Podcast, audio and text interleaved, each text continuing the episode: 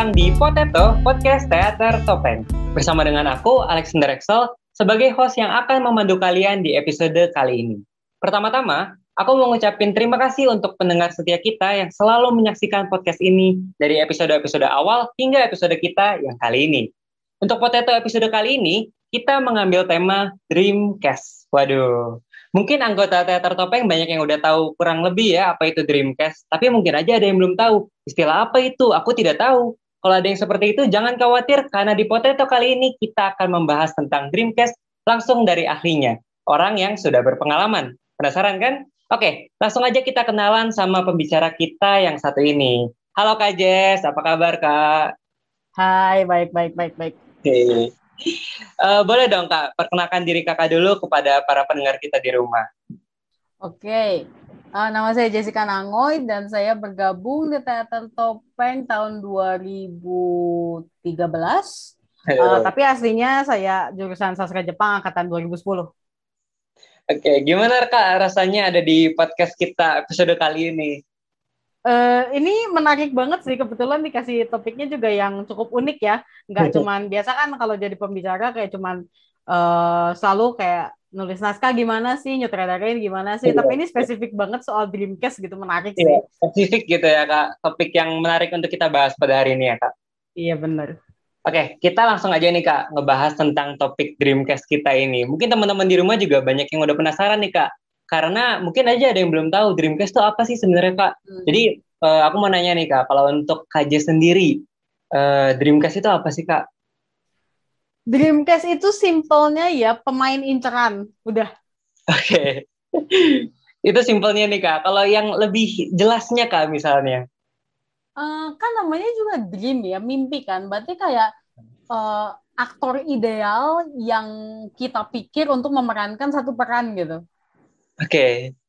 Jadi kalau kita uh, misalnya kita nulis naskah nih Kak, berarti kalau misalnya hmm. kita berpikir uh, oh kayaknya orang ini cocok untuk memerankan uh, peran ini gitu. Berarti itu yang hmm. kita sebut dreamcast gitu ya Kak. Iya, iya. Masuk okay, Okay. Nah, kalau misalnya Kak, uh, kenapa dalam sebuah pementasan kita butuh dreamcast atau gini? Seberapa penting menurut Kak Jess uh, seseorang tuh harus punya dreamcast gitu Kak? mungkin juga kakak bisa kasih skala gitu kelas 1 sampai 10 dalam sebuah pementasan penting gak sih seorang sutradara atau penulis naskah itu punya dreamcast mereka sendiri? Hmm, sebenarnya ini tuh bakal kembali lagi ke uh, beban pementasannya terus kayak uh, style penyutradaraan masing-masing sutradara juga sih. Soalnya okay. uh, kan bisa juga kayak misalnya nih ya uh, kita bikin naskah memang khusus buat uh, anak baru yang belum pernah nyobain yang namanya acting kita nggak bisa punya dreamcast gitu loh karena ya, betul, betul. Uh, ya semuanya juga baru gitu kan hmm. tapi uh, tapi pasti deh coba ya kalau misalnya uh, anak baru nih baru beres diklat uh, satu penulis naskahnya bikin naskah sendiri pasti dia tuh langsung metain di otaknya oh yang jadi peran si ini tuh harus temen gue yang ini pasti gitu deh iya, sebenarnya yeah, yeah. itu juga masuk ke dalam dreamcast sih tapi mungkin terbatas ya karena memang orangnya cuma ada segitu gitu Oke oke oke. Jadi kalau dikasih nilai ya skala berapa? Uh, kalau dari saya sendiri sih tujuh lah, tujuh dari sepuluh. Cukup penting berarti ya kak. Cukup penting. ya.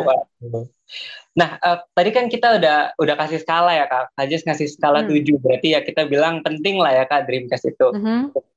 Dan uh, kenapa dalam sebuah pementasan kalau aku lihat nih kak, uh, selama aku menonton pementasan, ada pementasan yang um, misalnya sutradaranya atau penulis dia punya Dreamcast, tapi ada juga pementasan yang nggak punya Dreamcast tapi bisa berjalan dengan lancar gitu kak. Hmm. Apakah Dreamcast itu punya pengaruh tertentu atau magic tertentu gitu ya kak pada kesuksesan sebuah pementasan kak? Hmm. Uh, sebenarnya simpelnya gini sih. Ya kembali lagi ke yang tadi ya waktu kita nulis naskah kadang-kadang sebagai penulis naskah tuh udah ada bayangan sendiri. Oh yeah. si A nih cocok banget nih jadi karakter ini gitu loh. Yeah. Selain itu, sebenarnya ini tuh jadi perdebatan orang-orang yang nggak cuma penikmat teater tapi juga penggemar film gitu. Okay. Uh, karena pasti sering banget nggak sih kayak nonton film Indonesia atau film Barat yang satu sutradara pemainnya itu itu mulu gitu. Misalnya, yeah, bisa, bisa. Uh, kayak uh, Tim Burton yang selalu bawa Johnny Depp, atau misalnya uh, Joko Anwar dia selalu bawa Tara Basro Iya, gitu iya. loh. Nah, ini tuh uh, banyak banget kayak penonton yang protes kayak itu kenapa sih Mas Joko Anwar tuh bawanya Tara Basro mulu coba yang lain selalu gitu. Tapi saya yang udah tahu rasanya untuk nyutradarain sebenarnya tuh jawabannya simple. Ini tuh kayak kita kerja kelompok di kelas gitu loh. Kalau kita udah cocok sama satu orang, dia bisa mengimplementasikan apa yang kita mau dengan mudah, ya kenapa enggak gitu loh. Apalagi ditambah lagi nih kalau misalnya dia memang cocok dengan peran itu. Oke. Okay. Gitu loh. Berarti kurang lebih kayak kita udah tahu kualifikasi orang itu, mungkin aja menurut kita dia cocok sama peranannya, kenapa nggak kita pakai gitu ya kak? Betul. Eh, menurut saya ya ini akan mempermudah kerja banyak orang di pementasan itu gitu sebagai sutradara nggak pusing lagi dari nol sebagai pemainnya dia juga udah cocok sama penyutradaraannya gitu loh. Oke, okay. uh, eh, berarti kalau misalnya kita punya Dreamcast, otomatis mungkin ya untuk pementasan kita bisa jadi lebih mudah karena kita udah tahu kualifikasi orang itu. Bisa gitu nggak kak? Betul, menurut saya sih gitu ya. Oke, okay. bagus nih kak, bagus. Nah, kalau misalnya untuk Kaja sendiri nih, tadi kan kita udah ngomongin seputar uh, Dreamcast itu apa, terus kenapa sih pementasan uh, kira-kira ada pementasan yang butuh Dreamcast itu uh, kelebihannya seperti apa? Nah, kalau hmm. untuk Kaja sendiri, kira-kira kalau misalnya Kaja sebagai sutradara ataupun penulis uh, naskah ya kak, kira-kira Dreamcast yang ideal menurut Kaja itu yang seperti apa gitu kak? Dreamcast yang ideal, sebenarnya biasanya Dreamcast tuh akan kelihatan dari fisik sebenarnya ya. Misalnya yang paling simpel nih, uh, butuh peran misalnya apa ya? Butuh peran cowok tapi dia harus tinggi. Oke. Okay. Itu tuh pasti kita di otak bakal langsung nge-scanning siapa pemain-pemain yang bisa kita rekrut tapi tinggi gitu. Oke, okay, ya betul betul Kak. Nah, paling simpel tuh sebenarnya dari uh, fisik dulu memang gitu hmm. loh. Walaupun ya kalau misalnya naskahnya lebih open, maksudnya dia nggak nggak ada requirements tertentu untuk apakah orangnya tinggi, uh, harus berambut panjang atau misalnya uh, harus uh, berkulit putih, berkulit uh, gelap gitu. Itu biasanya ya lebih lebih apa ya? Bisa lebih random gitu. Okay, Selain okay. fisik sih bisa juga misalnya gini, uh, kita kita udah lihat acting satu orang ini di naskah-naskah sebelumnya. Nah, terus uh, di naskah yang kita tulis ada adegan yang entah mirip atau si kadar emosinya tuh sama. Itu juga bisa dimasukin ke dalam kriteria Dreamcast-nya gitu. Eh, jadi uh, mungkin kakak pernah nonton dia di pementasan apa gitu ya kak. Terus pas kakak hmm. nulis naskah, eh ternyata kayaknya dia oke okay juga dia main di naskah hmm. gue. Ya. Hmm, bener-bener. Oke, tapi kalau misalnya kakak udah punya nih bayangan misalnya si uh, misalnya tadi kan peranan ting uh, orang yang tinggi dan segala macam. Nah, itu apakah uh, akan di casting lagi atau udah aja kakak yakin bakal make orang itu, Kak? Hmm, kalau saya sih tetap bakal nyuruh dia ikut casting ya, karena hmm. uh, kan kita nggak tahu ya kalau misalnya ada surprise nih, ternyata ada yeah. orang lain yang tiba-tiba amazing banget waktu castingnya gitu. Iya, yeah, yeah, betul betul. Lagian si casting itu juga membuktikan apakah dia tuh benar-benar cocok atau enggak gitu. Oke okay, oke. Okay. Berarti kalau misalnya kak uh, kakak kan walaupun punya Dreamcast akan tetap mengadakan casting dan orang-orang yang Dreamcast kakak misalnya kakak ajak ke casting gitu ya kak. Hmm. Nah kalau misalnya orang-orang yang ternyata merupakan list Dreamcast kakak itu nggak sesuai kak sama hmm. ekspektasi kakak. Misalnya kakak uh, pengennya dia uh, punya acting yang bisa sifat kayak gini, tapi ternyata hmm. pas coba eh, kayaknya kurang cocok deh dia untuk sifat yang kayak gini. Nah kalau kayak gitu uh, kakak ganti orang atau apa sih yang bakal kakak lakuin gitu kak? Hmm, sebenarnya sih waktu casting atau audisi itu biasanya jarang banget yang langsung excellent. Oke. Okay. Ya, ya udah gitu kan biasanya juga ya cuman baca doang kan. Paling di situ saya bakal lihat kayak kecocokan suaranya sama karakternya gitu. Terus dicoba-coba lagi misalnya uh, coba ngomongnya sambil gini, coba ekspresinya lebih apa gitu kalau misalnya uh, pas dicoba-coba nih dia ternyata kurang cocok gitu ya kak apakah kakak bakal mengganti dengan orang yang casting yang lebih bagus atau kakak bakal nyoba ngelatih dia agar sesuai dengan ekspektasi kakak gitu hmm, tergantung sih ini bakal tergantung sama si kon kalau okay. misalnya si si Dreamcast ini fisiknya udah perfect banget nih udah sesuai sama naskah tapi terus actingnya kurang. Nah dilihat dulu kira-kira dia capable nggak untuk itu gitu loh. Oke. Tapi kalau misalnya nggak ada requirement fisiknya dan tiba-tiba ada ada calon lain yang kelihatannya lebih mumpuni ya bisa jadi diganti gitu. Oke, setuju. Berarti uh, kita mungkin aja memungkinkan adanya perubahan gitu ya, Kak. Iya. Tuh. Jadi kalau misalnya kita ternyata melihat dia, eh, kayaknya fisik dia cocok nih, kayak yang tadi kita lihat pertama. Terus, uh, tapi ternyata actingnya misalnya kurang. Nah, kalau misalnya dia memenuhi requirement pertama, kenapa nggak kita perbaikin gitu ya, Kak? Hmm, betul. Misalnya ternyata pada akhirnya juga nggak memenuhi, ya nggak masalah untuk kita ganti gitu ya, Kak? Hmm, kembali lagi sih, ini bakal tergantung sama uh, style penyutradaraan, kebijakan sutradaranya sendiri gitu, atau mungkin bisa juga dilihat dari kecocokan dan chemistry dia sama uh, lawan mainnya. Gitu. Oke, okay. itu biasanya kalau kita mau ngelihat itu kita dari mana tuh kak? Maksudnya? Apakah uh, mau ngelihat kecocokan uh, dia dengan lawan mainnya? Apakah kita dari hmm. castingnya kita lihat dulu atau gimana kak? Uh, iya, misalnya kalau udah ada fix nih dua calon atau misalnya tiga calon, Hmm. Tapi si lawan mainnya tuh udah fix orangnya. Nah, itu bakal bakal di casting ulang terus kayak dicobain gitu loh. Oke. Okay. Sama lawan mainnya berdialog lebih enak sama siapa gitu. Okay, Ada so... kemungkinan juga hmm. saya bakal uh, nanya sama si lawan mainnya itu, kamu lebih cocok sama siapa gitu. Oke. Okay. Jadi biar chemistry-nya kalau udah ada ya udah bagus gitu ya, Kak. Iya, betul. Oke, okay, Kak Jess ini kan punya banyak pengalaman ya kak di teater topeng. Saya udah sering lihat ya uh, pementasan-pementasan yang kakak sutradarai ya waktu itu salah satunya Alice in the Wonderland ya itu bagus banget. Alice in the Wonderland ya. In the Wonderland iya itu kak maaf ya kak. Nah tapi pernah nggak sih kak uh, misalnya kakak jadi sutradara ya uh, atau penulis naskah juga kan tadi pasti punya list dreamcastnya nih. Nah kakak kan juga udah berpengalaman ya di teater topeng ya dalam tanda kutip udah punya nama gitu ya kak. Nah, Terima kasih loh, baru tahu. Waduh, saya cukup kagum nih kak. Uh, okay. Pernah nggak sih kak, kakak uh, ngundang orang untuk main dalam naskah kakak misalnya, tapi orang itu uh, nolak untuk join dalam pendasan kakak, tapi itu merupakan dreamcastnya kakak nih. Kira-kira hmm. pernah nggak? Dan kalau misalnya ada kondisi kayak gitu kak, kira-kira apa yang bakal kakak lakuin gitu untuk ngesiasatinnya? Apakah kakak bakal bujuk dia atau kayak gimana? Hmm, sebenarnya uh, itu kejadian emang kejadian, kejadian sih kan waktu Elis kan. Gimana tuh kak? Nah waktu itu sih ya langkah pertamanya bujukin dulu nih. Siapa tahu dia berubah pikiran tuh kan.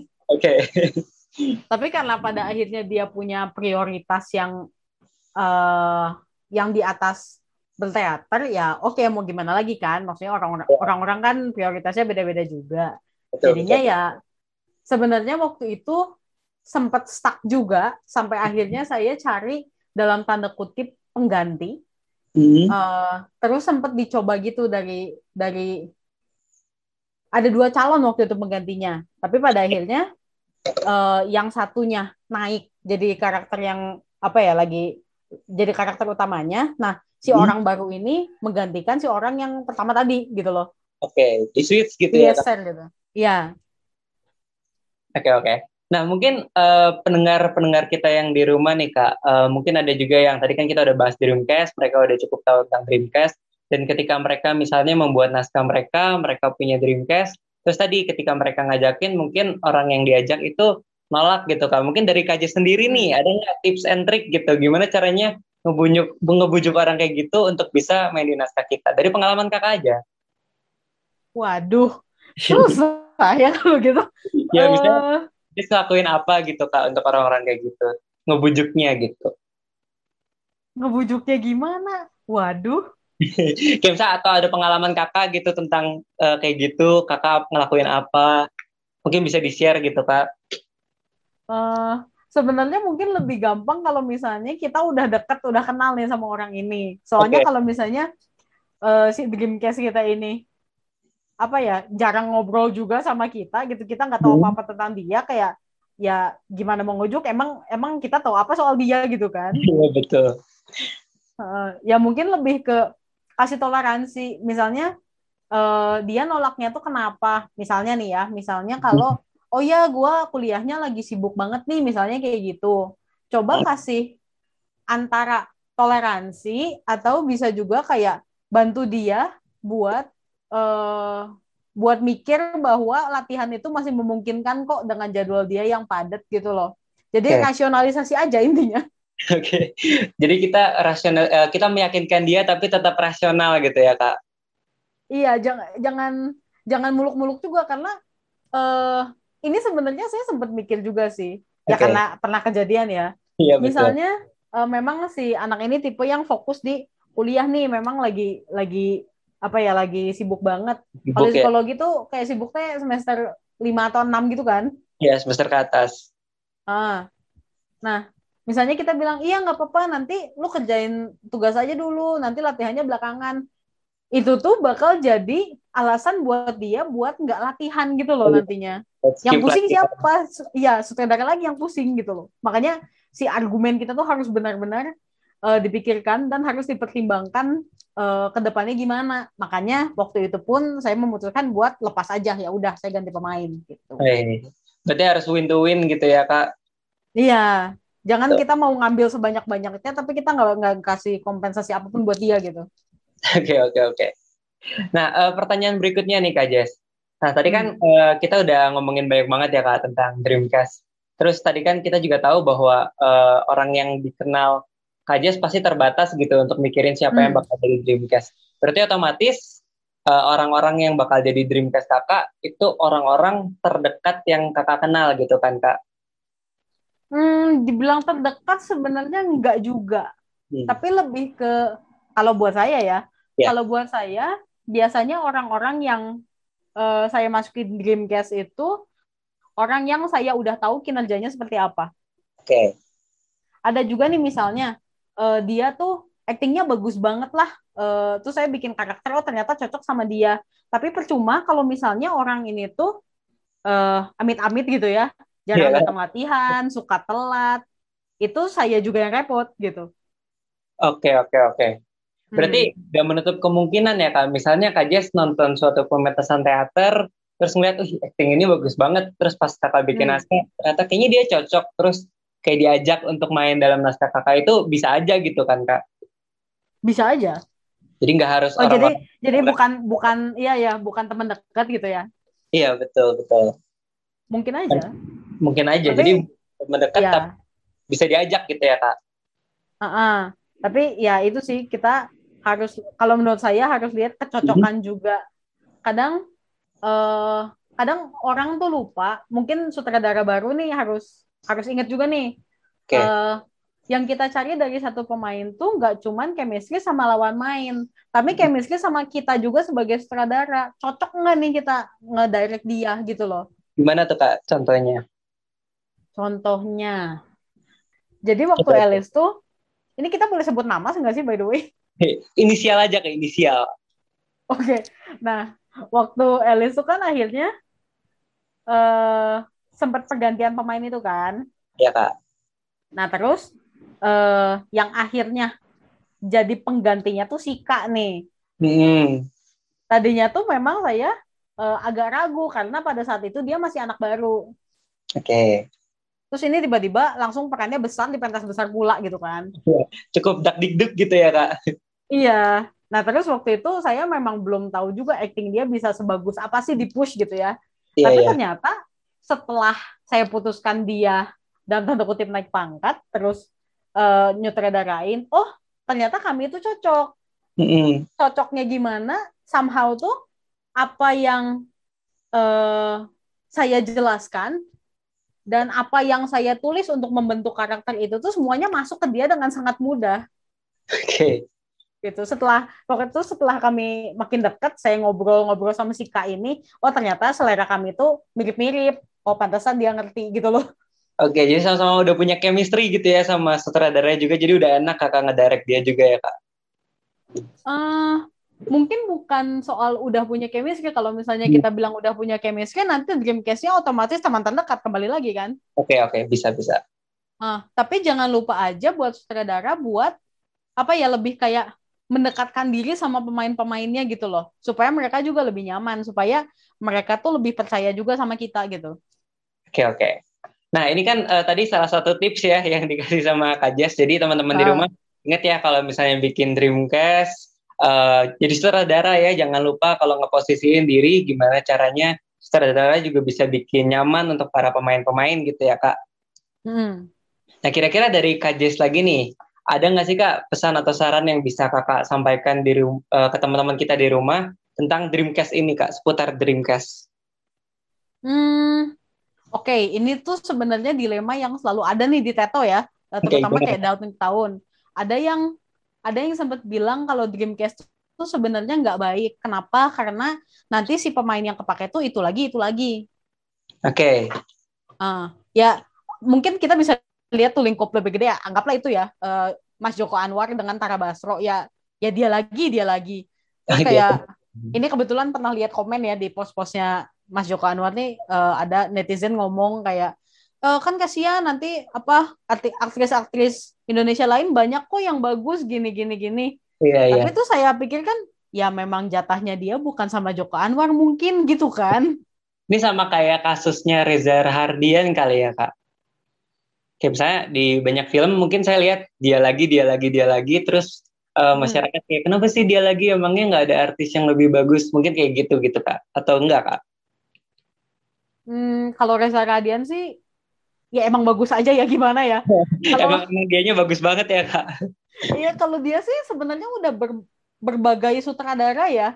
Mm. Ya tapi emang sih kesannya film Indonesia dia lagi dia lagi kenapa iya, gitu. Betul. Eh uh, iya ya jadi kembali lagi. Nah walaupun uh, dibilang kayak gitu tapi kalian valid kok kalau misalnya kalian punya Dreamcast gitu. Tapi harus diingat lagi tidak selalu Dreamcast-nya bisa tercapai gitu loh. Hmm. Kalau kalau saya sih so far kayak uh, mungkin untuk uh, mengambil orang random dan tanda kutip untuk peran-peran penting itu agak susah. Karena ya itu jadinya kan gambling apakah dia cocok sama penyutradaraan saya apakah dia bisa nangkep apa yang saya jelasin dengan baik gitu kan. Walaupun memungkinkan Tapi, ya walaupun memungkinkan itu tidak menutup kemungkinan gitu kan cuman uh, saya juga sering apa ya dalam tanda kutip ingin mencoba menyutradari beberapa uh, aktor baru gitu. Oke. Okay. Hmm. Mungkin kalau untuk anak-anak baru di sini yang mungkin uh, apa ya lingkungan tetonya juga masih kecil gitu kan mungkin masih yang seangkatan atau mungkin masih senior senior yang sering muncul aja gitu. Uh, it's okay, cobain dulu aja teman-teman kalian gitu loh. Nanti kalau misalnya ada yang cocok nggak cocok, mungkin bukan berarti teman kalian itu nggak bisa acting, mungkin aja dia belum mendapatkan sutradara yang tepat gitu. Oh, setuju, setuju kak. Mungkin uh, anak-anak baru juga ya kak, uh, mungkin aja ya, mungkin aja suatu waktu kak Jess uh, bikin naskah, Terus kalau misalnya kakak pernah lihat mereka, misalnya ternyata mereka cocok untuk ini, untuk ini, nggak menutup hmm. kemungkinan untuk ikut juga dalam naskah kakak kan? Bisa. Ya semoga aja kita cepat-cepat bisa pentas beneran ya, nggak yeah. nggak online online lagi kayak gini. Semoga aja ppkm cepat berakhir, corona udah Benar. gitu ya kak, kita bisa pentas lagi. Karena sensasinya rada beda gitu ya kak. Aduh jauh sih, yang namanya perform depan penonton tuh gimana gitu. Iya, beda banget sama perform depan kamera gitu ya, Kak. Iya, benar. Dan di depan kamera tuh sebenarnya ada tekniknya lagi gitu loh. Dan mungkin okay. itu tuh harus dibedakan juga. Apa, saya ngebayangin kalau saya jadi anak baru udah mikirin uh, naskah, udah mikirin acting harus gimana, terus ini harus mikirin juga di depan kamera bagusnya gimana, dah pusing dah gitu. Betul, betul. Setuju, setuju, Kak. Nah, uh, Kak Jess nih, kita udah habis nih pertanyaan kita kak untuk hari ini nih kak. Kita sudah sampai di akhir sesi kita. Pertama aku mau ngucapin terima kasih banyak nih untuk Kak Jess udah meluangkan waktunya untuk jadi pembicara pada potato kita kali ini nih Kak. Mungkin hmm. kalau misalnya saya kasih kesempatan Kak Jess untuk ngasih kata-kata penutup dari Kak Jess untuk anak-anak atau untuk uh, para pendengar kita di rumah, kira-kira Kak Jess mau ngomong apa? Hmm, oke. Okay uh, buat yang baru mulai berteater mungkin ya atau yang uh, baru tahu apa ya yang baru tahu rasanya acting tapi belum pernah nyobain divisi lain entah itu di backstage atau nulis naskah atau mungkin uh, jadi sutradara hmm. jangan berhenti belajar ya uh, sebagai aktor aja kita harus punya pengetahuan yang luas nih. Maksudnya misalnya gini loh, ini mikir sama materi yang kemarin dikasih waktu workshop sih. Pokoknya iya, sebagai seorang aktor itu kita nggak boleh berhenti belajar, nggak boleh cuman uh, belajar acting di depan cermin gitu ya. Tapi yang namanya pengetahuan yang luas itu penting banget. Kayak misalnya randomnya uh, kalian dapat peran apa ya yang susah, yang aneh. Uh, dapat peran seorang ah pengacara misalnya. Eh. Di situ walaupun kita bukan mahasiswa jurusan hukum, kita harus tahu setidaknya sedikit soal dunia hukum untuk mendalami peran.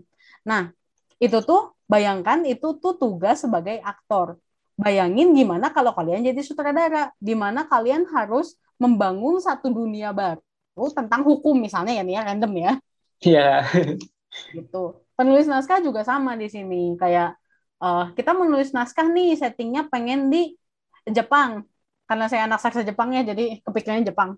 Tapi nggak ngerti apa-apa soal budayanya. Nah itu harus belajar dulu gitu loh. Jadi semua uh, hal yang berkaitan dengan artistik di sini tuh nggak bisa dibuat dengan asal. Jadi jangan berhenti belajar dan kalau misalnya uh, mau bikin sesuatu uh, utamakan research. Research tuh penting banget guys gitu. Oke, okay. ya terima kasih ya Kak Jess. Jadi teman-teman di rumah, ingat ya nih pesan-pesan Kak Jess nih bagus banget dan bakal berguna banget buat kalian pastinya nanti kalau misalnya kalian sudah terjun ke dunia teater. Nah, semoga di episode uh, lainnya kita bisa kembali membahas topik yang lain ya Kak Jess, nggak cuma Dreamcast yeah. hari ini. Dan untuk uh, kalian semua, para pendengar di rumah, terima kasih sudah mendengarkan dan jika kalian punya uh, pertanyaan seputar dengan teater, uh, bisa langsung tanyakan lewat IG Teater Topeng yaitu @tetomaranata karena kita sedang membuka Q&A untuk umum. Dan jangan lupa untuk menyaksikan Potato episode-episode berikutnya. Saya Alexander Exel dan Kak Jessica Nangoy. Kami pamit undur diri. Terima kasih. Bye-bye. Bye-bye.